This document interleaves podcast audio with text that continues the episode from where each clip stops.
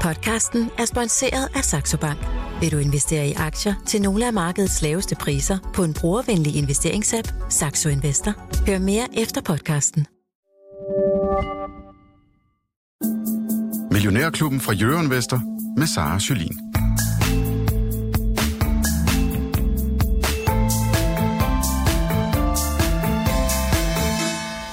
Mandag morgen, og velkommen til ugens allerførste udgave af Millionærklubben, hvor vi i dag skal vidt omkring. Det sviger nemlig med rygter fra Kina. Facebook skal også til at fyre en masse mennesker. Elon Musk fortryder nogle, nogle føringer hos Twitter, og så er det amerikanske økonomiske opsving så stærkt, at det åbenbart nægter at dø. Alt det, det skal vi forbi med dagens panel. Det er dig, Henrik Henriksen, chefstrateg hos Petersen og Partners. Yes. Godmorgen til dig. Godmorgen. Tak. Og også Lav Svendsen, fastforvalter her i Millionærklubben. Ja, Godmorgen til dig, Lav. Godmorgen. Hej det godt? Ja, har det godt. Dejlig morgen. Trods øh, alle omstændigheder har vi det godt, ja. Det lyder rigtig godt. Ja. Som I kan høre, så har vi et øh, travlt program i dag. Der er mange. Ja. ting, vi skal igennem. Og hvis vi når det sidste uddannelsen, så skal vi lige vende det amerikanske midtvejsvalg, hvor de jo skal stemme i morgen. Det kan også være, at det bliver rigtig spændende for aktiemarkedet. Men øh, nu må vi lige se, hvad vi når her i dag. Hvis du har nogle spørgsmål derude, du godt kunne tænke dig at stille til Henrik eller Lav i studiet, så send dem til mig på telefonnummer 42 42 03 21. Du skal bare huske at starte din sms med Mio. Og Lav, vil du ikke lige ja. Ja. fortælle os, hvordan markedet har lagt for land her den første dag i ugen? Jamen, vi er faktisk meget sådan, lidt, lidt, lidt positiv øh, med, med, op med et par promille, men det er jo ikke noget øh, stort endnu. Og, øh, og verden har det nok øh, lidt bedre. Øh, altså, USA klarede sig meget pænt forleden dag, og øh, Asien har det også øh, nogenlunde godt i dag. Og øh, en interessant øh, målestok, jeg går og holder løg med, det er jo, øh, altså en realøkonomi, det er jo Australien, som jeg har lært af ham her, den gamle Greenspan, han sagde, at man skulle kigge på, på, på Australien, fordi de har en meget åben øh, økonomi, og der er ikke er nogen regler og alt muligt. Og de er meget råvarer. Så derfor, hvis man, altså det er sådan en leading indicator økonomi, det var sådan set det, han sagde.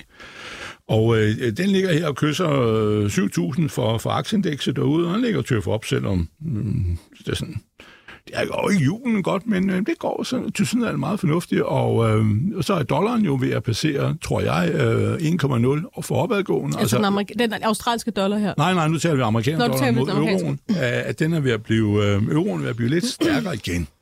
Og det øh, har jo været et problem, at den har været øh, noget svag, og så har vi jo haft mere inflation og alt det der, den årsag også, men i Europa, men det går også lidt bedre, og guldprisen, så panikstedet der, der er jo fred og ro dernede 1640, tror jeg, og det er faktisk faldet i år.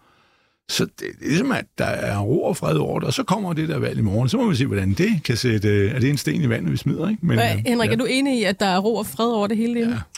Jamen, altså, det gynger jo, og, og, så, og så kan man jo sige, nu, det, det var et par hårde dage øh, efter Pauls tale i, i sidste uge, og, og, og så sunder markedet sig, jeg, og markedet prøver hele tiden at kigge fremad og sige, hvor, hvor, hvornår er det nu, nyhedsflowet er, er værst, fordi øh, vi skal helst have købt dagen, før nyhedsflowet er, er, er værst, så, så, så markedet prøver, prøver hele tiden til, og det man jo også bare må sige, ligesom du sagde i indledning, amerikansk økonomi har jo vist sig at være umådeligt stærk, og det er jo både godt nyt øh, og også dårligt nyt, fordi det betyder i virkeligheden, at Paul nok har lidt mere at gøre på, på rentesiden. Og den gode nyhed er, at nyhedsflowet stadigvæk er, er ok pænt rundt omkring. Ja, i fredags der fik vi jo det her kongetallet tal for det amerikanske arbejdsmarked. Og det viste, at der er blevet skabt 261.000 nye jobs i USA i oktober. Det var bedre end ventet, og arbejdsløsheden er stadig ret lav. Hvad fortæller det dig, Henrik? Jamen, det, det fortæller det fortæller, at Paul ikke er færdig med sin mission, fordi lige nu er, er Pauls job forholdsvis enkelt. Når arbejdsmarkedet er for stærkt, og inflationen er for høj, og, og begge dele er tilfældet, vi kan tjekke begge dele af, så, så er han ikke færdig med at hæve renterne. Øh, dilemmaet kommer den dag, inflationen stadigvæk driller, og arbejdsmarkedet måske ser, ser svagere ud. Men arbejdsmarkedet er utrolig stærkt. Og også det her tal, som der, der er to tal, han altid kigger på, Paul, han altid nævner i sin preskonference, det er antallet af nyopslåede jobs, så hold øje med det. Det steg, øh, det steg fra 10,3 til 10,7 millioner. Det var, det var den forkerte vej. Øh, og så holder han øje I med... forkerte vej, hvis man Ja, gerne det vil have sige- renten til ja, at ja, falde altså, i det- det er jo- hvert det er fald. jo et super Hvis man godt tal, fordi- er det måske bare godt Ja, tal. der, der er god efterspørgsel efter arbejdskraft og så videre, men, men problemet for, for ham, det er jo i virkeligheden, at der er to ledige jobs for hver ledig amerikaner, og det skaber løninflation, så det, det skal han have knækket. Og det andet tal, han kigger på, det er sådan et underliggende tal for inflationen, som hedder Core PCE. Det refererer han også altid til, og det ligger det ligger også og vokser med omkring 5% i øjeblikket, hvor vi gerne skulle ned, og i hvert fald begynde at pege ned mod 2%. Så, så, så jeg vil sige, at økonomien er stærk, men inflationen er også øh, for høj, og der er for meget gang i, i arbejdsmarkedet. Og virksomhederne har stadigvæk en god pricing power, fordi der er penge, folk har, har penge på lommerne, og, og de amerikanere, der har fastforrentet lån, de er jo egentlig stadigvæk på den grønne gren. Det kan godt være, det er blevet svært at sælge deres hus, men hvis de ikke har nogen planer om at sælge deres hus, og de har et billigt fastforrentet lån, så er de jo, og har, har, har et øh, velforankret job, så er de jo stadigvæk på den grønne gren. Så det er rigtig svært for Paul øh, at bremse den her økonomi i, i øjeblikket. Men nu er der ved at være lidt tegn på, at der, at der kommer nogle store fyringsrunder. Nu har vi lige hørt uh, her til morgen, Wall Street Journal har en stor historie ud om, at Facebook ejeren, altså Meta Platforms, de her i løbet af ugen ved at fyre flere tusind ansatte. Det er faktisk første gang i hele Facebooks historie, de har skal have sat gang i sådan en stor fyringsrunde. Sidste uge var det, eller forrige uge var det Stripe, en anden stor amerikansk virksomhed inden for betalingsløsninger, der skulle ud og føre 15 procent. Så begynder at høre det her historie om masse fyringsrunder. Jeg tror faktisk, vi hørte i Europa, der Electrolux skulle fyre 4.000. Pleo i Danmark skal også ud og fyre. Så kan arbejdsmarkedet blive ved med at være så stærkt? Nej, det, det kan det ikke. Og udfordringen er jo virkelig også, at arbejdsmarkedet, de tal, vi får fra arbejdsmarkedet, de lægger typisk lidt. De er måske lige en måned eller to eller tre efter den økonomiske udvikling. Det tager noget tid. Og jeg vil sige, du optræder først i, i statistikken for ledet typisk, når, når, når du har mistet den, den, den, den sidste måneds løn fra, fra, fra, fra dit job. Og, og, og det vil sige, at de her tal, de reagerer med en forsinkelse. Det kan jo virkelig være et, en af udfordringerne for, for Paul, han, han så sidder og kigger i, i to bagspejl. Det ene bagspejl, det har arbejdsmarkedet, og det andet bagspejl har øh, inflationen. Så, så, så, vi, så vi er, i, vi er i en, en spændende tid her, øh, og jeg er stadigvæk sådan lidt på den forsigtige side, fordi Paul var altså med til at slippe det her inflationsspøgelse løs. Der, der er mange andre skyldige her, men vi må sige, at han, han, han stod øverst på broen. Han havde vagten, og, og, og det slap forbi ham. Øhm, så, så, så, så jeg tror, at han, øh, han tænker også på sit eftermæle her. Han tænker selvfølgelig også på amerikansk økonomi, at han er nødt til at få inflationen ned. Så, så jeg tænker, at de, de, de næste 3 til seks måneder, de kan godt stadigvæk blive lidt drilleagtige på, på aktiemarkedet. Bliver du bekymret, når du hører, at de her fyringsrunder begynder at tage fart? Ja, jeg vil virkelig sige, at det, det er en del af det, der skal til, fordi du skal have kølet arbejdsmarkedet af. Og problemet er, når du bruger pengepolitikken, så bruger du en forhammer. Du ved ikke, hvor du rammer. Men det, du kan se, det marked, der jo er allerhårdest ramt lige nu, det er jo boligmarkedet, fordi aktiviteten er jo bare gået fuldstændig i stå. Der er ikke nogen, der køber der eller nej, sælger noget præcis. Uh, vi har historisk lav aktivitet. Vi er tilbage på den aktivitet, der var nogle få år efter, efter finanskrisen, og det er jo helt naturligt. Og så kan, så kan man jo sige, at det er jo ikke så slemt. Folk har stadigvæk friværdier. Det er rigtigt. Men alle de følgeindustrier, der lever af aktivitet på boligmarkedet, det her med, at så skal du have maler, så skal du slippe gulv, og så skal du have et tæppe, og så skal du have nye møbler, du skal have en ejendomsmaler, du skal have en bank osv. Alle de følgeindustrier mærker jo uh, effekterne. Uh, og, og, og, og når du så får effekterne, de spreder sig til resten af økonomien, så, så, så tror jeg, at vi vil se, at, at de næste par kvartaler bliver hårdere. Men amerikansk økonomi holder fantastisk til, til det her. Folk har masser af cash fra coronakrisen, øh, og de har stadigvæk Men lave det, det, det er der mange, der siger, uh, Henrik, det her med, at de fik så mange penge under corona, de kunne ikke gå ud og spise ud og rejse. De har de her bunende, forestiller man sig, bankkonti. Det kan de jo ikke blive ved med at have. Det kan de ikke blive ved med at have, men, men de seneste tal, jeg har set, det er, er 1700 milliarder, det, det er, så er vi tæt på, at de stadigvæk har to tredjedel af de her midler. Og folk går jo ikke rigtig i sort, så længe de har penge stående på, øh, på kontoen. Øh, og, og hvis du har sikret dig et fastforrentet lån, øh, ja, så mærker du i USA, der mærker du selvfølgelig noget inflation, men du mærker måske ikke den samme øh, negative inflation, som, som du mærker i Europa. I Europa, der er inflationen mere betinget af, at, at vi har nogle dårlige naboer. I, i USA, der er inflationen betinget af, at der simpelthen er, der er bare knald på økonomien. Men nu begynder vi jo så, udover at Facebook skal fyre, og nu hører vi også fra Apple her i går aftes, lidt usædvanligt sådan i pressemeddelelsen uden søndag, hvor de siger, at øh, iPhones, de kommer ikke til at producere så mange, som de havde planlagt. De ville gerne have produceret 90 millioner, nu skal de producere 87 millioner. Det er 3 millioner iPhones, der forsvinder fra markedet. Det det. En del af forklaringen er, at fabrikkerne i Kina, de simpelthen lukket ned på grund af coronaudbrud. En anden del af forklaringen er også, at efterspørgselen bare ja. ikke er der. Ja. Så når vi hører det her fra Apple, verdens største virksomhed på, på markedsværdien, hvad tænker du så? Jamen, jeg tænker, vi, vi famler jo lidt i blinden her, og, og det vi i hvert fald kan se, det er jo, at der er rigtig mange centralbanker rundt omkring i verden, der strammer samtidig. Og på et eller andet tidspunkt må det have en effekt, og det kan godt være, at vi, vi ser effekten senest i USA, og det er virkelig en problem, fordi det er USA, USA der sætter tonen for andre og, og alt muligt andet. Men vi, det må begynde at have en effekt på, på økonomien. Og en iPhone, hvis du har en, en iPhone, som fungerer, hvorfor så købe en ny, hvis du føler dig lidt trængt øh, økonomisk, eller, eller måske er lidt usikker på fremtiden. Så det er måske virkelig et varsel om, at det, det var, Apple var i virkeligheden den af, af megatech-selskaberne, som kom bedst igennem regnskabssæsonen, fordi ellers må vi jo se, at, at, at de her store fandmarksselskaber, de er generelt skuffede, øh, og, og, og viser sig at være mere konjunkturfølsomme, end, end mange havde regnet med. Og, og, og det viser sig måske også i virkeligheden, at Apple nu også er øh, mere konjunkturfølsom, end, end det sådan umiddelbart ser ud. Så, så i virkeligheden, det, det er selvfølgelig en dårlig nyhed, men det er måske også en god nyhed for, for Fed, at, at, at effekten er der altså på efterspørgselen. Men Apple kom med regnskab for under en uge siden. Eller var det to? Meget, meget kort tid siden. Hvorfor vidste de ikke det på det her tidspunkt? Hvorfor skal de allerede ud nu 6. november og korrigere deres iPhone-forventninger? Det er jo det. Altså, ting, tingene bevæger sig hurtigt, og vi ved heller ikke, hvor meget de vidste på, på det her tidspunkt. Og det, det, der er sket i Kina, det er jo sket her, det er jo her i, i starten af, af november måned. Øhm, og så kan der jo være sket noget med efter. Det tyder på, at der også er sket noget med efterspørgselen. Så, så det her, det er måske virkelig et varsel om, at, at de her stigende renter, de begynder at bide i, i, i vores økonomi, de begynder at ramme efterspørgselen. Og det er jo der, vi skal hen. Altså, det er selvfølgelig en negativ nyhed, men for pengepolitikken, så kan det jo potentielt være, være en af de ting, der skal til for en, for en et lidt blidere pengepolitik. Der, så der altså dårligt for Apple, men godt for måske for ja, nogle ja, der er bare én ting, også, som jeg synes, man, man skal huske med USA's økonomi, uden jeg er ekspert i det, er jo, at øh, altså USA er jo øh, praktisk taget nu øh, selvforsynet med olie.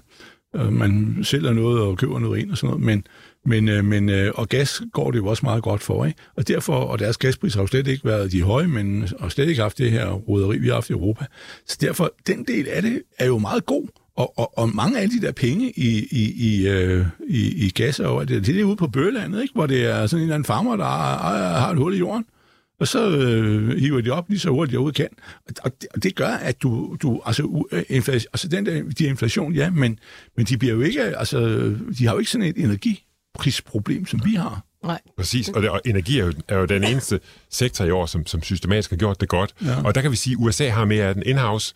Vi har outsourcet vores energi til Putin. Øhm, det viser sig at være det, en rigtig det, det er der mange, strategi. rigtig mange øh, dårlige ting ved. Og en af dem er jo også, at når, når energimarkedet har det stærkt, jamen, jamen, så smitter det ikke rigtig af på det europæiske aktiemarked.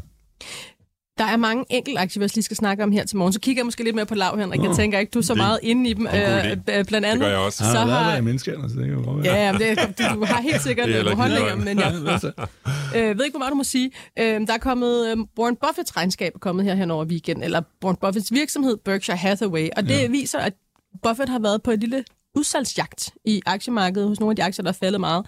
Han har blandt andet købt Occidental Petroleum, Chevron, og så et øh, forsikringsselskab, Allegheny, Al- Al- Allegheny ja. hvordan man udtaler det ja.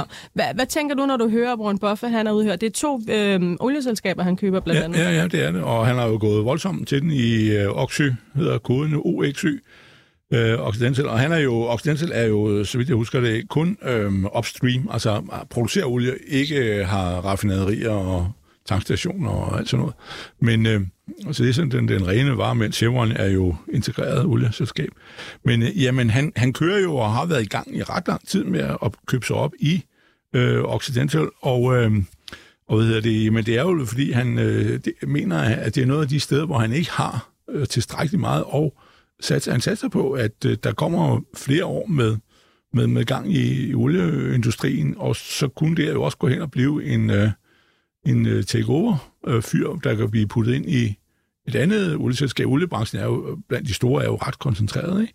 Øh, og, og, øh, og, og, og der har vi jo også haft nogle takeovers, men det er jo så sådan nogle selskaber på, øh, på højst 100 milliarder kroner, øh, men hvor, hvor nogle af de store øh, mediers der snupper dem, og vi havde jo en, hvor var det ikke Konogo Philips, som købte en meget stor øh, fyr, faktisk inden for øh, altså noget sjælhejs, der, mener jeg, der var. Øh, men, men så, så det er vel det, han går rundt og, og gør. Og så forsikring, der er han jo øh, stor i forvejen, nu er han været endnu, endnu større, så det er vel mere, det er jo ligesom øh, Er det, er det en god kæreste. strategi nu, Lav, at lægge sig i øh, energiselskaber og strategi i forhold til der, hvor vi er i markedet? Ja, det er jo så... Ja, svar mig, hvor olieprisen skal være, så kan jeg svare dig Det er på. dig, der er vores ekspert, jo. ja, Nej, jeg tror, det er okay, fordi der er jo en, øh, de har så stor cashflow, at, øh, at selvom øh, olieprisen øh, på lang sigt nok vil falde igen, men ikke på kort sigt, så, så, så kan han klare, øh, klare sådan en, en, en modgang, ikke?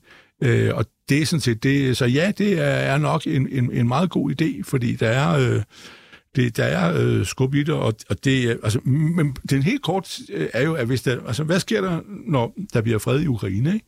Og jeg havde jo troet, at prisen vil falde, og den har jeg nu lavet om, øh, fordi jeg er, fordi, altså, hvis der bare bliver fred, og alle går hjem, og så ser verden ud, som den var i for, for, for et år siden, så er det rigtigt. Men hvis Rusland øh, bliver udsat for øh, en øh, opbrud, revolte, revolution, øh, kup, alt muligt, og det kan tage flere år, ikke? Altså, den russiske revolution 17, den havde jo været på vej i 12 år, ikke? Så, hvad hedder det, altså, sådan, hvor der skete noget, så var der på forhånd, var der jo også en akkumulering af, af kræfter, ligesom et, et jordskæld, ikke? Men, men, men hvis der noget sker, i Rusland, øh, mit worst case er nu, at Rusland øh, øh, øh hvis vi vil være lykkelige, hvis øh, Putin forsvinder, og der bliver fredelige forhold over, den bliver delt i fem lande. Det vil formentlig også ske, men øh, eller sådan noget lignende, jeg ved ikke, hvor mange der bliver, men sådan noget, at hvis det sker, så og de går helt ud af oliemarkedet i, i et halvt eller helt år, fordi alle river hovedet af hinanden, og hvem ejer olien? Vi har jo oplevet det i Libyen, for nu at nævne et skrækeksempel. Nu er det ikke så stort et land, de øh, har, da det var højst, hvad det vist knap 3 millioner tønder i døgnet, ikke? Og det meste tid lå på to, men så lige pludselig, så er der sådan en, der fører borgerkrig med den anden, og alt muligt andet, og tankskiben, de må jo vente, og så må vi gå ind nu, nej, I må vente lidt, fordi nu er der en ny en, der bestemmer her. Altså, øh, det, det, det er jo problemet, hvis, hvis der kommer til at mangle på, på uh, russerne producerer øh, mellem 10 og 11 millioner tønder i døgnet, men de bruger sig selv, altså vidt jeg forstår det, øh, 3-4 stykker på øh, dels sig selv, de har en meget højt energiforbrug, og venner og bekendte, inklusiv Ungarn. Og og øh, det vil sige, at der kommer 6-7 millioner tønder ud i, i resten af verden, inklusive Kina og Indien, som køber meget nu. Ikke?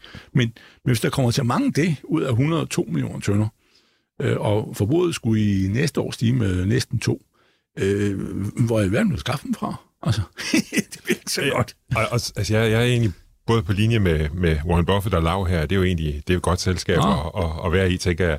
Øh, altså, der er den logik i Warren Buffetts tanke, at olieselskaber og olie fylder utrolig lidt på de globale aktiemarkeder. Øh, de fylder vel en fjerdedel af det, de gjorde i, i 70'erne. Der var vel også de største virksomheder i hele verden. De, det var de, men 70'erne var en rigtig hård tid for aktionærerne, selvom de havde olie, og olien steg, og, og vi havde inflation. Det gode ved at have olie i sin portefølje, kan vi se i år, det er den eneste sektor, der har klaret sig godt. Og rødderierne, øh, hvis man kigger over på Lars Svendsen her. Nå, men det fylder bare slet Det er jo de, fuldstændig minimalt. Jo. Men, ja. men, men det betyder i virkeligheden, at Warren Buffett, han har helt sikkert set min aktieportefølje, uanset hvad jeg har købt, så har jeg for lidt inflationsbeskyttelse. Jeg har for lidt beskyttelse mod, mod stigende råvarer, og, og, og det, der kan komme i gang der. Så, så, så, så det, er jo, det er jo en af de fornuftige overvejelser. En anden fornuftig overvejelse er jo i virkeligheden, at er der mange årsager, så har der været brugt for lidt på at, at, lede, man har simpelthen brugt for ja, få penge på at lede efter ny olie, og det har både været på grund af en lav oliepris, det har været på grund af en grøn dagsorden osv. Så, videre.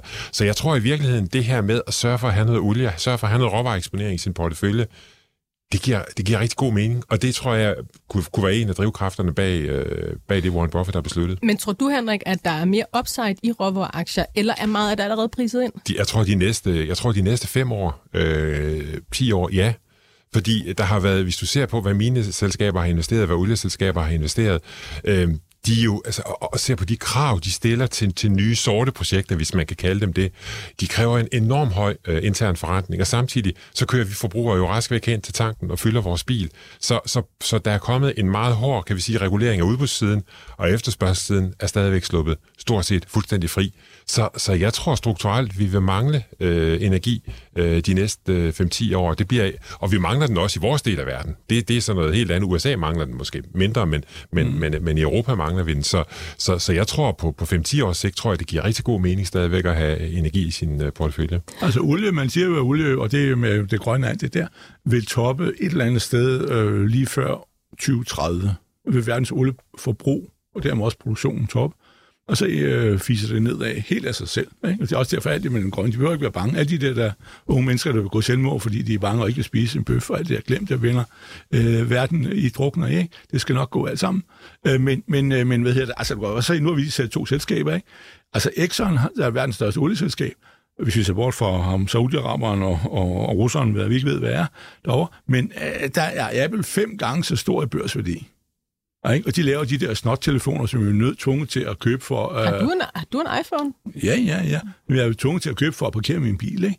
Og som jeg så ikke rigtig kan finde ud af. Men, men, øh, men, øh, men, men øh, hvad hedder det? Ja, jamen, det skal man jo i vores dag.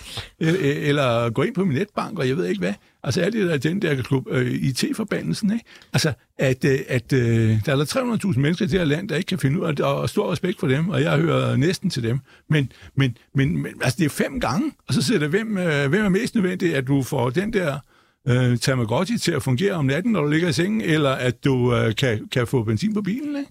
Det, jeg tror, det er første gang, jeg hører nogle af millionærklubben snakke om Tamagotchi. Det var vel noget, der var meget populært i 90'erne. Og ja, ja, det var sådan, mine børn havde sådan, det var sådan en uh, dyr, som man skulle give mad. Og, og, og, uh, jeg kan huske, at jeg blev, blev vækket om natten, fordi vores datter havde fået sådan en. Det synes jeg nok, uh, når ens børn lige præcis var blevet gamle nok til, at de kunne sove igennem, så anskaffede man sig sådan noget elektronik, der gjorde, at man blev vækket om natten. Det var lidt, uh, det var lidt mystisk. En Men den gamle er god form, og jeg håber inderligt, jeg har sagt det, jeg håber snart, han finder ud af at sælge de Apple. De Apple-aktier. Det kan ja, være, ja, at det, det er anledningen her, nu hvor Apple nedjusterer, hvor mange iPhones de tænker, de skal sælge. Vi må følge med i det. Ja, ja, men, men det, der og så lidt... kan han jo sende mig en kasse citroner, hvis han er, er glad for vi det. Vi ringer over til Omar her, Lav.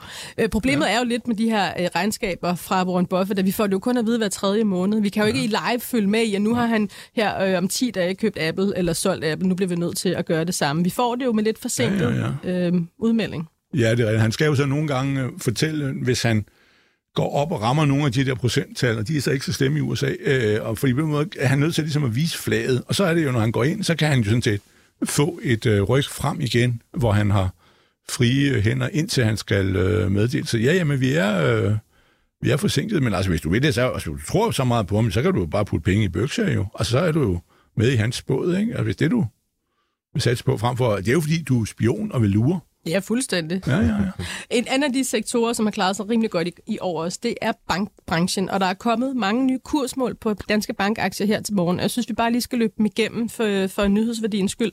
Øh, danske Bank blandt andet har fået hævet sit kursmål af Goldman Sachs til 160 mod tidligere 134 kroner. Aktien ligger lige omkring 123 nu, så det er jo i hvert fald en stigning. Øh, samtidig er Nordeas kursmål så blevet reduceret til 95 fra 106 fra Goldman Sachs. Øh, begge aktier får anbefalingen neutral, og tidligere havde Goldman et køb på Nordea, så Nordea er lige blevet nedjusteret her en lille smule fra Goldman Sachs, men Danske Bank har så fået et højere kursmål. Over hos øh, kollegaen Jyske Bank, der har JP Morgan lavet et eftersyn, og der har de løftet kursmålet til 415 kroner fra 360 kroner.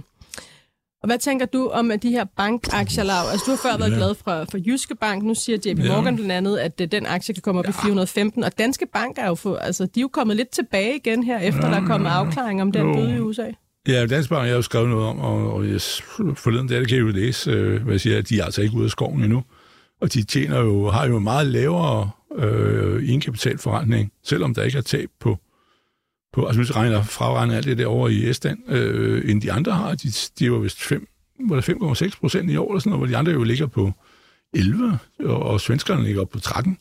Så altså, det, det, og det siger de, men siger næste år, de vil tage foran som 8,5 til øh, 9 procent, og det er jo da meget godt, at de kan komme derop, men, men de har en dårligere rentabilitet, og det er jo så, jeg bruger mig over Danica, ikke?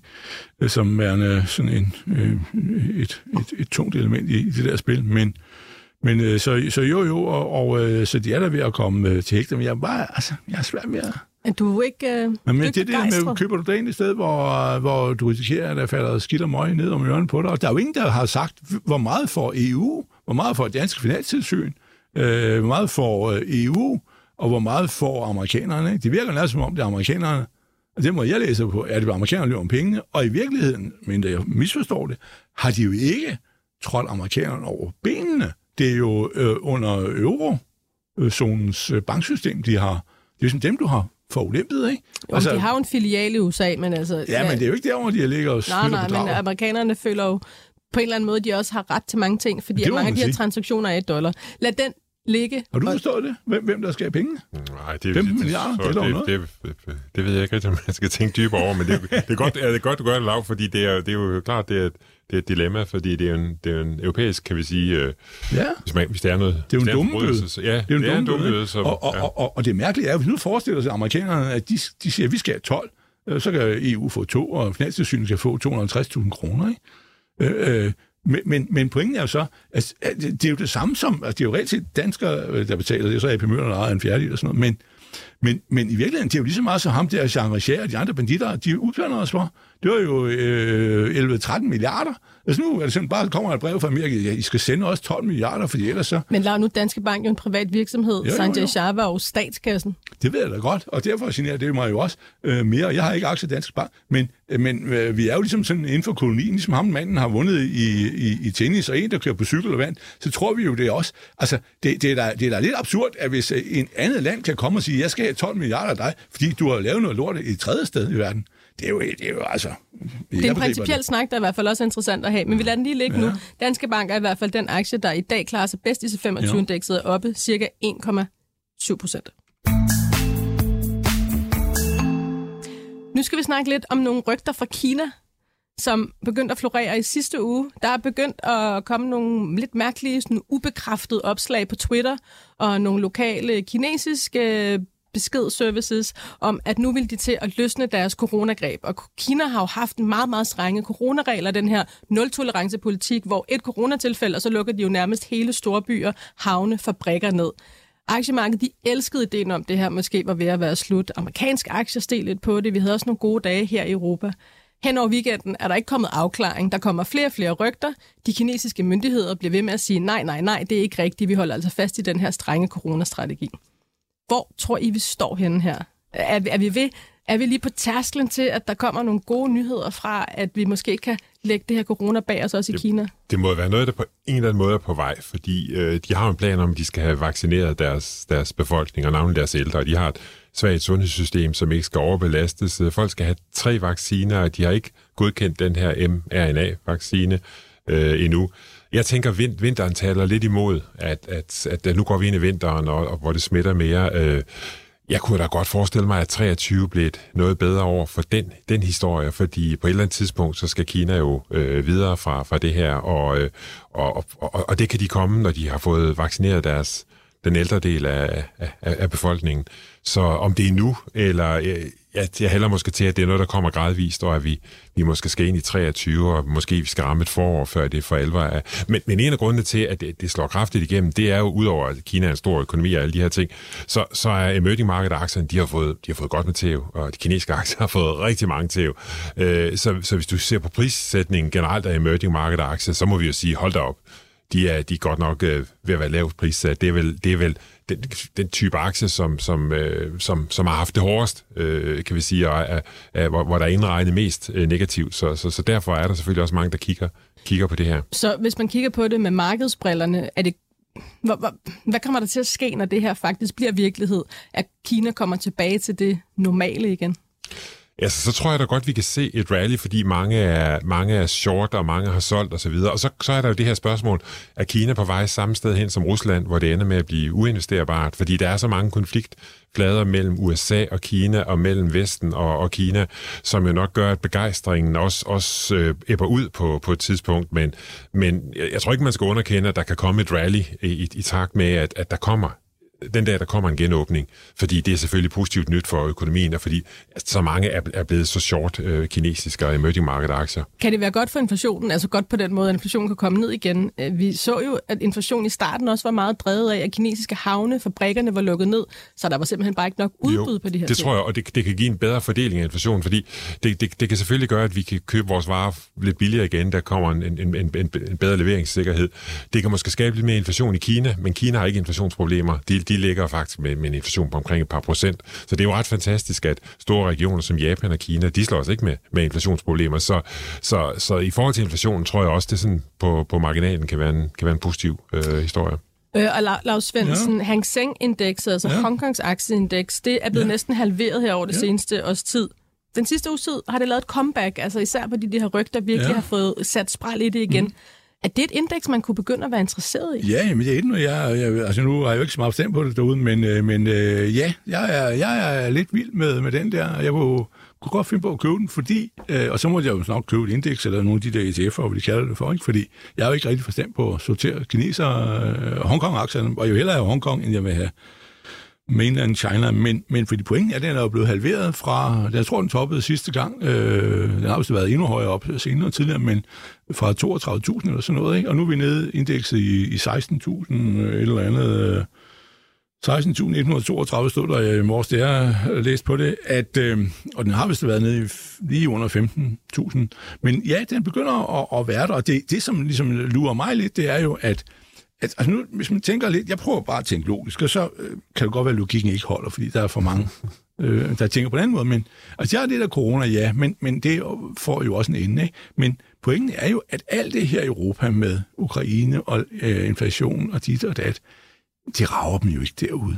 Altså, de har, øh, øh, olieprisen bliver, bliver påvirket af det og sådan noget, men basalt set, så skal øh, Kina og alt det der jo kun, hvis vores efterspørgsel går ned, og den er jo dæmpet sig, men, men de, de bør jo ikke gå i krise af, at vi i Europa er paralyseret af, at, at vi har en stor krig i, i, i baghaven, ikke? Og, og det er lidt mærkeligt, at de ikke er det, men så har vi den der corona. Jeg tror faktisk, jeg troede dengang, øh, jeg tænker også måske for positivt om ting, men jeg tror jo sådan set stadigvæk, at politikere sådan set i princippet er folk, der vil deres befolkning det godt, men, øh, og ikke nogen forbrydere, men svindlere. Men pointen er jo, at øh, da han blev genvalgt her øh, for den der kongres Altså forleden dag, præsident, ja, der fik han jo fem år mere, ikke? Øh, formår Mor Jesner, hvad hedder det? Men, Fej- øh, fejmor Jesner. Ja, ja. Men, øh, men øh, så kan du sige, jamen så er, er han jo over the hill. Ikke? Nu kan han jo godt være flink. Øh, frem for, at han stod der og var... Så han kørte den hårde linje. Øh, partiet er det største, og øh, ham der, øh, Jack Ma, og alle de andre fik øh, ind på skallen, ikke? Og, og alt muligt andet. Og nu kan han jo godt sige, ja, nu, nu skal vi have gang i julen igen. Han, han, han er bare bundet af, at det tåbelighed, han gjorde med at være så brutal med nedlukningen, at det er lidt svært at sidde og sige, nå mandag morgen, så gider vi ikke mere. Det, det, faktisk var det en fejl, at det han vil sige, hvis han åbner. Ikke? Han er nødt til ligesom at, at Altså, den, der gør det lette svært, øh, viser lidt øh, bedst, hvad han har lært, ikke? som han sagde ham her, Piet Hein. Men, men det er jo lidt, du kan ikke bare sådan sige, at mandag morgen, hov, jeg har fået en bare, nu skal I bare tage fat, og nu er alt lige meget. Og der bliver nogle tilfælde, ja, altså, hør nu efter, 1,3 milliarder øh, mennesker øh, løber rundt derude, ikke? Øh, at, øh, at antallet af dødsfald ude, det kan vi snart ikke få øje på, hvis, efter hvad de siger, ikke? Så, så hvad hedder det? Så det, det er jo helt absurd, og, og du kan ikke blive med at spærre folk ind, for ellers lige pludselig så er det jo ham, der bliver spærret ind, ikke? hvis han overhovedet øh, trækker vejret mere. Ikke? Så jeg vil sige, øh, hvad du spørger, er der ved at ske noget at sige? Sig, sig. Har forstået det? Ja, den, den forstår jeg så godt. Nå, men hvad, hvad skal der til, før du trykker på købsknappen i, øh, i Ja, men jeg skal først og fremmest øh, finde ud af, hvad man køber derude, for jeg har jo ikke forstand på de der ETF og sådan noget. Jeg er jo, jeg er jo, øh, øh, Du er novice i det område. jo, jo, men jeg er jo ordblind, øh, så jeg må prøve at finde ud af på det der. Jeg aner ikke, hvad man, man rigtig gør, men øh, ja, øh, så, så jeg, jeg, jeg kunne godt have lyst til det, fordi, og når jeg skal ud af de her tankskib og så videre, så skal jeg jo finde på noget nyt. Ja. Og så må man sige, hvis ikke der kommer et stort boom i Europa, vil sige, det derude, det kunne godt være et sted, hvor man skulle sige, øh, også for at sprede sig lidt, og få, øh, vi skal finde på noget nyt, ikke? Og det Men- kunne altså godt være det derude. Og Henrik, du sagde, at altså, der er jo en risiko for, at det har været sådan et uinvesterbart marked, som Rusland er blevet. Kunne, kunne Kina ende i det sted?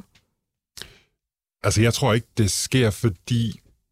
Altså, af, af, af, nok af mange grunde, men, men, men man kan jo ikke udelukke det. Altså, at, at verden simpelthen fragmenterer, og at Kina ender på, på, på den modsatte side af Vesten, og at vi så gradvist øh, øh, glider i hver vores retning. Men Kina har brug for Kina har brug for Vesten, og Kina har brug for vores markeder, øh, fordi deres økonomi har det svært. Og, og jeg tror faktisk, præsident Xi er rimelig utilfreds med Putin og den konflikt, der er her i øjeblikket, fordi den konflikt dæmper økonomien i, i Europa især, men, men vil potentielt også gøre det i USA, og, og, og det dæmper efterspørgselen efter kinesiske varer i en situation, hvor de faktisk har en, en boligkrise på, på det kinesiske marked, og vi ved jo, boligkriser, ejendomskriser, puha, det gør ikke det gode ved økonomien. Øhm, så han har brug for al den hjælp, han kan få til sin, øh, sin økonomi, og øhm, han vil gerne have de her til at, at, at gå væk. Han har også været ude ligesom at trække en, en, en rød øh, streg i sandet, eller en streg i sandet og sige, øh, I må ikke bruge atomvåben øh, til, øh, til, til russerne, heller ikke taktiske atomvåben. Øh, hvad han så vil gøre, hvis, hvis det sker, det, det er så noget andet. Så, så jeg tror i virkeligheden, at jeg tror i virkeligheden, at kineserne kineserne er jo kommercielle folk, så jeg tror gerne, de vil have samhandlen til at glide igen. Jeg tror ikke, vi vender tilbage til de her frie, åbne markeder, hvor alting kunne handles. Så der er mange tech-selskaber, som, øh, som, som, som har fået restriktioner i forhold til eksporten til Kina. Det tror jeg heller ikke forsvinder.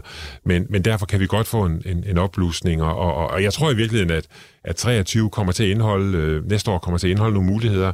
Øh, jeg tror først, vi vil se obligationsmarkedet øh, bunde ud, øh, og så tror jeg, vi vil se aktierne øh, bunde ud i, i takt med, at Fed er færdig med sit arbejde. Og så kunne jeg da godt forestille mig, at emerging markets og Kina, hvis tingene ser gode ud der, at så kan det være nogle af de markeder, hvor man siger, wow, det er godt nok også kommet langt ned. Det er godt nok blevet billigt. Øh, Lig, og nu ligesom Lav allerede står Ja, altså det er, vi, vi, der står vi jo nok lidt. Altså vi, vi har været med længe, og det betyder, ja. ikke, det betyder ikke, at man har ret, men det betyder, når, når ting er faldet meget, øh, og, og tingene har bevæget sig meget i en retning, så begynder man at kigge på det. Og det kan godt være, at det er for tidligt, det kan også godt være, at det er forkert, men, men på den måde, så, så, så prøver vi måske at tænke lidt øh, parallelt omkring sådan noget som det her. Jeg, jeg tror altså også, der generelt er et fænomen, som det, nu er det meget, meget stort, det vi taler om nu, det er, at vi er på en eller anden måde herover i Vestlandene, vi er for øh, politisk tænkende. Det er ligesom, åbner øh, radioen, så sidder de og kæfter op øh, fra, øh, fra morgen går op til sol om, at nu har den modtaget en, og den anden har været på besøg, og alt det der til regeringsforhandlinger på Marienborg. Ikke? Pff, ikke? Altså, det er jo ligegyldigt. Øh, dansk politik er en nærhedsoplevelse, ikke? Men, men, men, men alt, hvad der sker, så er det politisk, og så sidder man og siger, så har de, øh, Biden givet tilskud til uh, Intel for at lave en, uh, en chipfabrik i USA, og så siger de, at det er fordi, øh, øh, at øh, man øh, ikke vil acceptere kineser osv. Nej, det er det jo nok ikke. Men på lang sigt det er det jo bedre, at han giver tilskud, end han øh, går over og slår kineserne i hovedet, ikke? eller forbyder Apple at få lavet telefonerne ud og sådan noget. Altså, det er ligesom om, du politiserer øh, for meget. Det er måske fordi, det er sådan noget, alle har adgang til. Alle kan jo have en mening om... Øh, om vi skal boykotte øh, hvad for nogle lande, og hvad vi ikke vil handle med, købe af dem, og vi leverer til dem og alt muligt. Men, men altså, selskaberne skal jo tjene penge hver dag, og de prøver jo inden for de øh, rammer, der er. Ikke? Og der, jeg tror altså i øjeblikket, vi overpolitiserer alting. Ja, og, og jeg er enig, men, men det er, også en, det er også det, der er den, måske virkelig er den største trussel mod, mod aktiemarkedet lidt længere frem, den her fragmentering, øh, deglobalisering, hvor hvor verden bliver splittet op i, i atomer, og, og et er jo så, at nogle markeder bliver uinvester, uinvesterbare. Noget andet er i virkeligheden, at hvis vi alting, alt, skal til at lave alting selv, så kommer inflationsniveauet op, så kommer vi til at mangle arbejdskraft rigtig mange steder, øh, så kommer renterne op, øh, og så kommer risikopræmierne øh, også op på aktier, og det, det er hårdt for multiple på aktier. Så vi kigger ind i en verden, som hvis den fragmenterer, hvis den her udvikling fortsætter, hvis verden bliver mere og mere øh, politisk og mere og mere fragmenteret, så, så, så kigger vi ind i, et, et, et, noget, der godt kan blive et forholdsvis mere aktieår.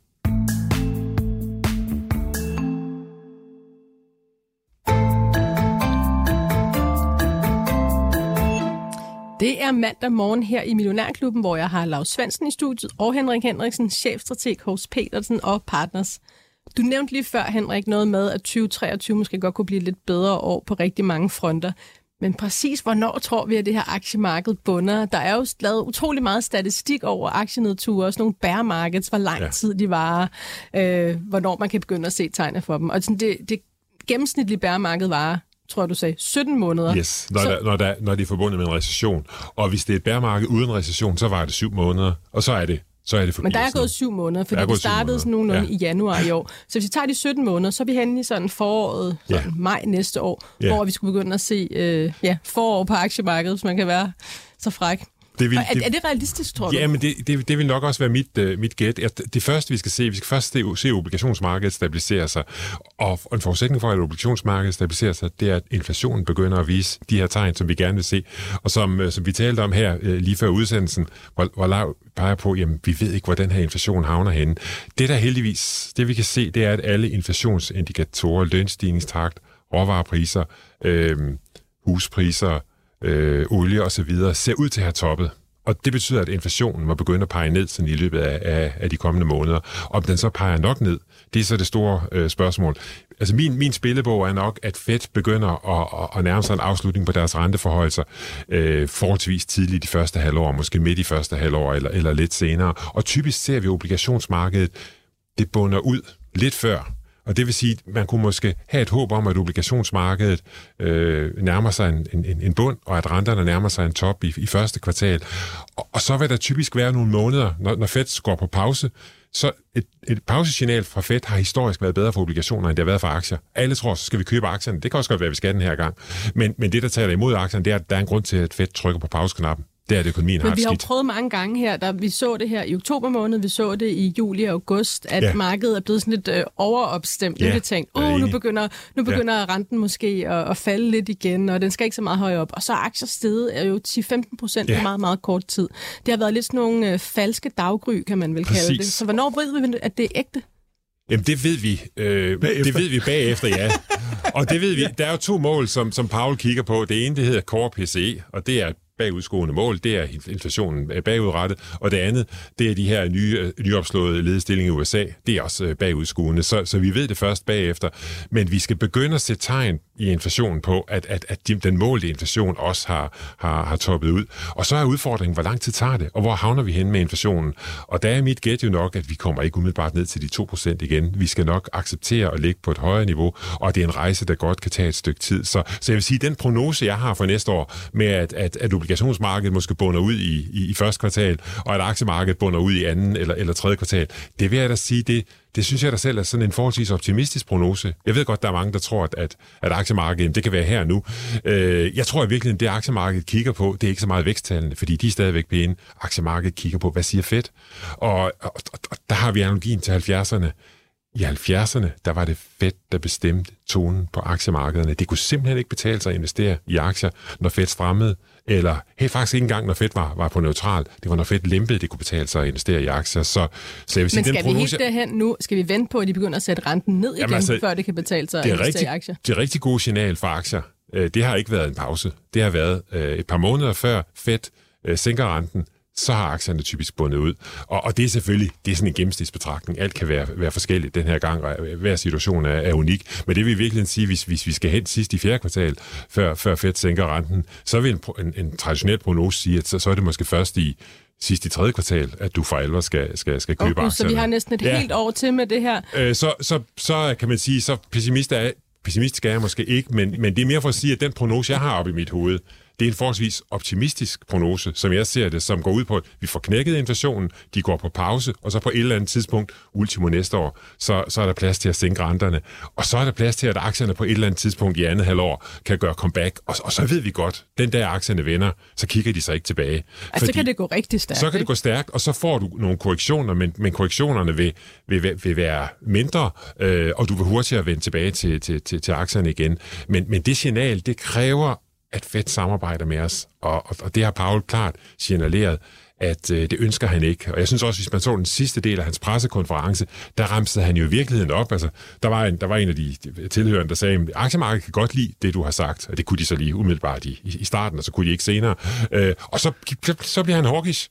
Han ønsker ikke, at aktiemarkedet skal op, og det er ikke, fordi han er en fjende af aktiemarkedet. Han er jo helt sikkert, han er, for, han er republikaner, vil vil jeg gætte på. Men det er, fordi han ved, at hvis aktiemarkedet for hurtigt bliver for stærkt, så virker det imod hans, hans arbejde, hans kamp mod Så inflationen. løsner det i virkeligheden øh, finansmarkedet lidt, Lige og han vil præcis. gerne have det strammet op Han nu. vil gerne have det strammet op, og, og, og det, er vi nødt til at, det er vi nødt til at lytte til og, og respektere. Og så kunne man sige, hvis aktierne var blevet rock bottom billige, så kunne man så ignorere det, og så bare træde på speederen og så sige, det bliver ikke meget billigere end det her. Og det synes jeg nok ikke, man kan sige, fordi det kan da godt være målt på P, så handler amerikanske aktier 15, det er ikke så dyrt, men vi har historisk høje overskudsgrader. Og hvis prisen for en lavere inflation er, at virksomheden skal lave overskudsgrader, simpelthen skal have smadret deres pricing power, for nu at sige det, det, det er negativt, jamen så, så er det jo virkelig så, så må vi sige, så handler amerikanske aktier stadigvæk på et niveau, der godt kan falde. Så, øh, så, så, så ja, altså, ja, ja, jeg, jeg tror, at 23 bliver noget bedre, øh, og jeg tror også på et, et godt handlet, andet, andet halvår for aktier, men det kræver også, at Fed lykkes med deres øh, operation, og, og den operation kan så godt gøre ondt i mellemtiden. Så, ja, vi er jo meget ikke færdige. Men altså, nu siger du, at 23 godt kan blive bedre. Det kan jo næsten heller ikke blive meget kan, værre end 22. det, så. øh, det kan det måske godt, det må vi, det må vi ikke håbe på. Ej, vi er jo selvfølgelig kun lige i starten af november. Der er lige 6 uger tilbage, hvor det kan blive rigtig dårligt. Må jeg lige spørge dig om noget? Så nu, nu, nu har du ikke sat tal på, men, men hvor ser du så USA øh, obligationsrenten toppe, og hvor ser du Fed øh, rente, som jo er 4,0 procent nu? Altså, jeg, jeg, jeg, vi tænker vel, jeg tænker vel, Feds rente skal op og røre øh, de 5 procent, og måske også lidt højere op. Lønstigningstakten i USA er, er, er 5 øh, procent. Den underliggende inflation, eller inflationen er, er, meget højere, men, men, men det er jo også midlertidigt. Så jeg tror, at vi skal derop, hvor, hvor, hvor renten overstiger øh, ja. lønstigningstakten. Og så må vi jo bare følge, øh, hvordan det går i økonomien, og hvordan det går på arbejdsmarkedet. Hold, op med de, hold, hold øje med de her nyopslåede øh, stillinger i USA, som, som kom ud på, på, øh, på, på, øh, på 10,7 millioner sidste gang. Det er i virkeligheden nøglen. Det, det, det tal, det skal han have stikket derovre. Og før han får det tal stikket, så ser vi altså ikke en, en, en for alvor en, en, en venligere effekt. Og hvad så med obligationsrenten? Nu må du ikke krybe ud. Ja, nej. Det, er altså, jeg tror... Øh, Hvor er topperne?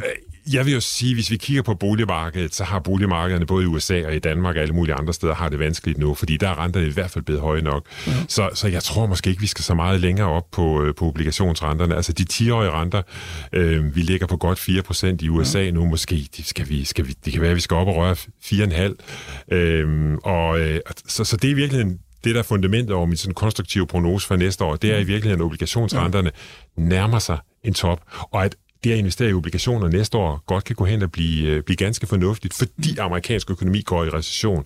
Hvis det tager længere tid at få amerikansk økonomi i recession, eller hvis det tager længere tid at slå inflationen ned, så er det for tidligt at købe øh, obligationer. Men du tror altså, at amerikansk økonomi lander i en recession? Det tror jeg. Altså, det vil være mit, mit, mit hovedscenarie. Ikke nødvendigvis sådan en, en 2008-9-recession, fordi folk har stadigvæk stærk balance, men, men vi skal derhen, hvor efterspørgselen bliver bremset, og det er ikke nogen let opgave, fordi folk har, har, har penge på kontoen og, og har stadigvæk sikret sig lave renteudgifter. Skal vi lige runde midtvejsvalget meget kort, inden vi tager nogle spørgsmål, for jeg har fået en masse spørgsmål ind til jer begge to i dag. Ja.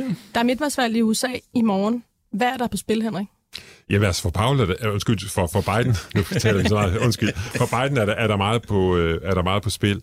Jeg vil virkelig sige, at aktiemarkedet kan jo godt lide det, når vi har en historisk har aktiemarkedet godt kunne lide en demokratisk præsident, og så en øh, republikansk domineret kongres, fordi så har politikerne sat skak med. Og lige nu har vi en demokratisk, og lige nu har vi en øh, demokratisk domineret kongres, og, og, og det vil gøre det sværere for, for Biden at komme igennem sin, med sin økonomiske dagsorden. Det vil måske gøre det lidt nemmere at bekæmpe inflationen, hvis, hvis, hvis magten bliver delt. Så jeg tror i virkeligheden, og det, det er ikke noget, markedet har så meget fokus på. Jeg vil virkelig næsten påstå, at det inflationstal, vi får på, på torsdag, det er måske næsten endnu vigtigere for, for, for markederne, i hvert fald på, øh, på, på det korte sigt. Så, så, så jeg tror, at, at, at det her vil være noget, som, øh, som markederne øh, til dels øh, kigger igennem.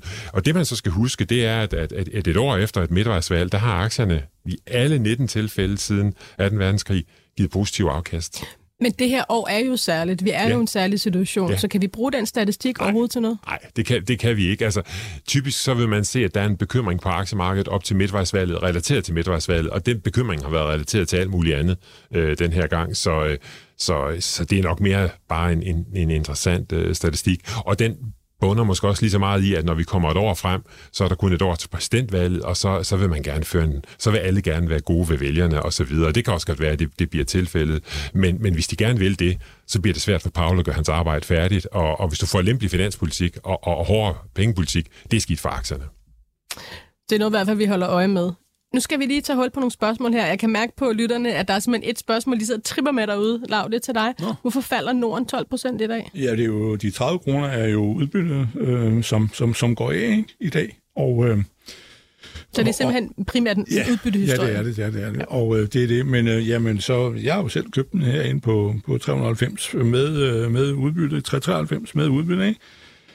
Så det koster jo så 363, og jeg er jo så kun 1% i pengene, men... Øh, hvad hedder det, øh, reelt ikke. Men altså, jeg, jeg kan ikke se, at han stadigvæk har mere at gå efter det op. Jeg satte jo på 500, bliver det nu, ikke? Og jeg sagde 525, og nu er de 30 kroner gået af, så...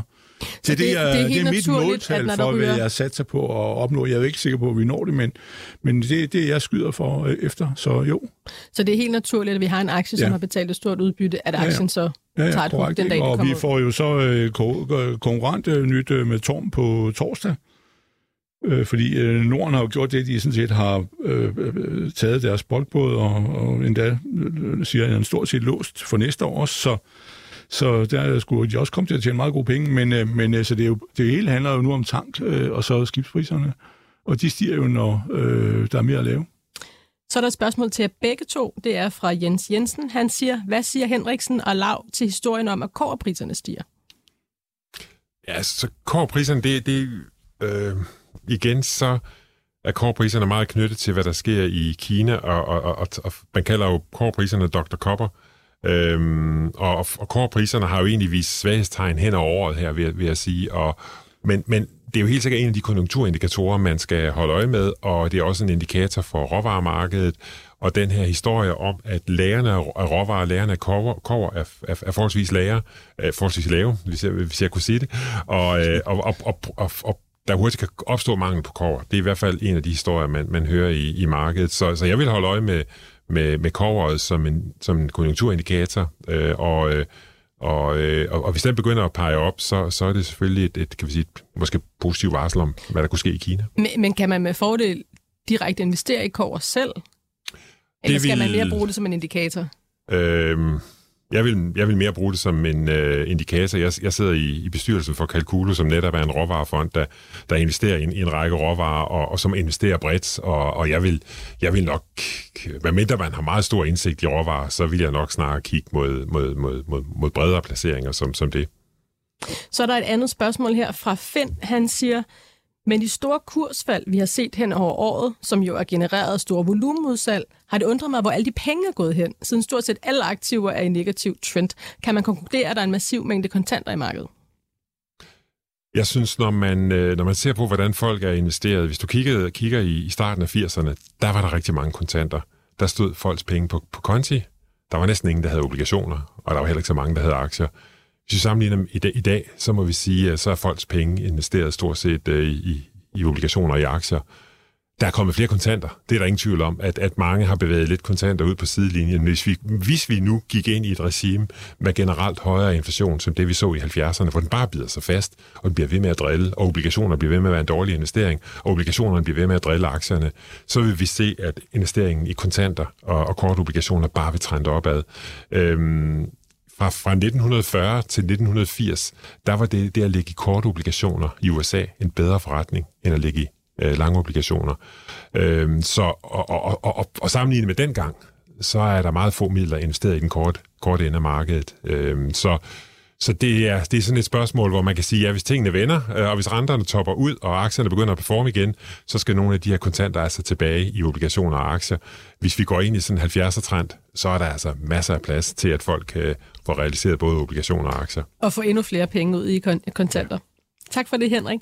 Så er der et spørgsmål her fra en lytter, der gerne vil høre jeres begge tos inputs til dollarkursen i forhold til amerikanske aktier. Skal den høje dollarkurs holde os væk fra at købe op i amerikanske aktier? Ja, jeg tror jo på, at dollaren vil blive svækket mod euro, ikke? Øh, og øh, sådan set har jeg jo gættet på, det bliver jo ikke tilfældet, at det skulle gå i 1,20, når året var gået, det gættede på for et halvt år siden. Men øh, den ligger lige i underkanten af 1,00. Men jeg, jeg tror, at dollar vil blive svækket, og også i forbindelse med det midtvejsvalg, fordi der er et andet aspekt i det, det er, at altså, den politiske, og den finansielle og politiske tillid til USA burde falde. Altså Trump øh, vil jo på en eller anden, når han siger, at det er den 16., så vil han som stor overraskelse meddele, at han vil stille op igen. Ikke? Og republikanerne er ved at gå midt over. Øh, det kan jo det ende med det her. Det er så en positiv udgave måske. Sådan, så han tager sine, øh, de grove, og så bliver der alle svagpæsserne, de bliver sådan en slags øh, republikanske demokrater, og så tager de, øh, altså at partiet går simpelthen over, ikke? Og det kan man så gøre, at demokraterne kan vinde næste gang, men, men, men altså det der er jo ikke sjovt. Hvis USA som nation, der dog har været den store i siden 2. verdenskrig, ikke? næsten også efter første, men, men at, at altså, der er et kredit, USA har et kreditværdigheds- og tillidsproblem. Så jeg, jeg tror på, at dollaren vil blive svækket. Men i øjeblikket, det, er jo, det har jo været safe haven, ikke? Men den tror jeg altså vender rundt. Og hvis så, vi skal så tilbage med, i aktier i, med, i med ind i almindelige selskaber og ikke IT, så skal vi jo i Europa og ikke i USA. Men med den konklusion, at dollaren vil blive svækket, ja. skal man så holde sig for amerikanske aktier, fordi man ender med at tage et kurstab? Øh, ja, jeg, jeg tror jo, IT-aktierne skal, øh, Nasdaq skal ned og øh, bunde i 8.000, ikke? Jo, men nu snakker så, vi simpelthen om, ja, altså, om tab på aktien i sig selv, men nu ja, ja. med valutatabet. Øh, ja, jamen, det kommer jo så oveni. Det kommer så oveni, ja. så, så det kan man... Når Europa kommer tilbage, bliver dollaren svækket. Det er det, jeg tror, men øh, det er jo ikke sikkert, at det sker. I øjeblikket er det ikke sket. kan man sige. Vi har ikke fået ret endnu. Så er der et øh, spørgsmål fra Jakob i Åben Rå. Han spørger til dine planer, Lav, med Frontline. Vil du sælge ja. den inden regnskabet kommer i slutningen Nej. af november? Øh, har du kursmål, hvor du vil sælge ja. eller reducere din position? Ja. Og så siger Jacob, at han skylder dig en kasse citron. Ja, man må øh, for, hans det, for dit indsigt i Jylland, skal, jeg skal til Jylland om en uges tid, så kan jeg jo spørge i Sydland, så kan jeg jo komme, så kan jeg komme forbi. Men, ja, det, kan, det kan I så lige arrangere men, bagom. Men hvad er det, at... Øh, nej, altså jeg vil sige på den måde, at indtil videre, der, der synes jeg bare, at man skal blive ombord. Øh, og den er i 140 cirka, men jeg, altså jeg regner med, at jeg en dag skal have 200 for dem, men øh, jeg ved det ikke. Men altså, øh, det er bare... Øh, jeg skal trimme mig lidt, fordi øh, jeg har for mange. Og du, det, det der, altså, der er også grænser for, hvor mange du kan tillade at have. Men bortset fra det, fordi øvrigt også indgår, de skal jo fusionere eller gå sammen eller et eller andet. Øh, så, så, men jo, det er bare, det kører en rigtig vej. Så du sælger i hvert fald ikke, inden Nej. regnskabet kommer. Det er alt, hvad vi når her i mandagens Millionærklubben. Tusind tak til dig, Lars Svendsen, og tusind tak til dig, Henrik Henriksen, for at være med i studiet igen. Selvfølgelig også tak til vores producer, Louis Fangenberg, for at få det hele til at glide rigtig fint i teknikken. Bodil Johanne Gansel er tilbage i morgen til en ny udgave af Millionærklubben, og så er det bare at sige, have en rigtig god aktiedag til alle jer derude.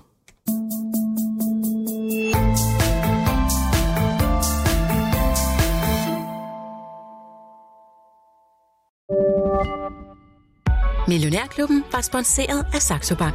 Gør det godt i din virksomhed. Hos Saxo Bank kan du få dine overskydende midler til at vokse med en investeringskonto, hvor du også kan få op til 3,05% i positiv rente uden binding. Det er nemt og gratis at oprette en konto. Der er ingen konto og depotgebyr, og der er ingen binding, så du kan altid investere eller trække dine penge ud. Kom i gang allerede i dag på saxobank.dk.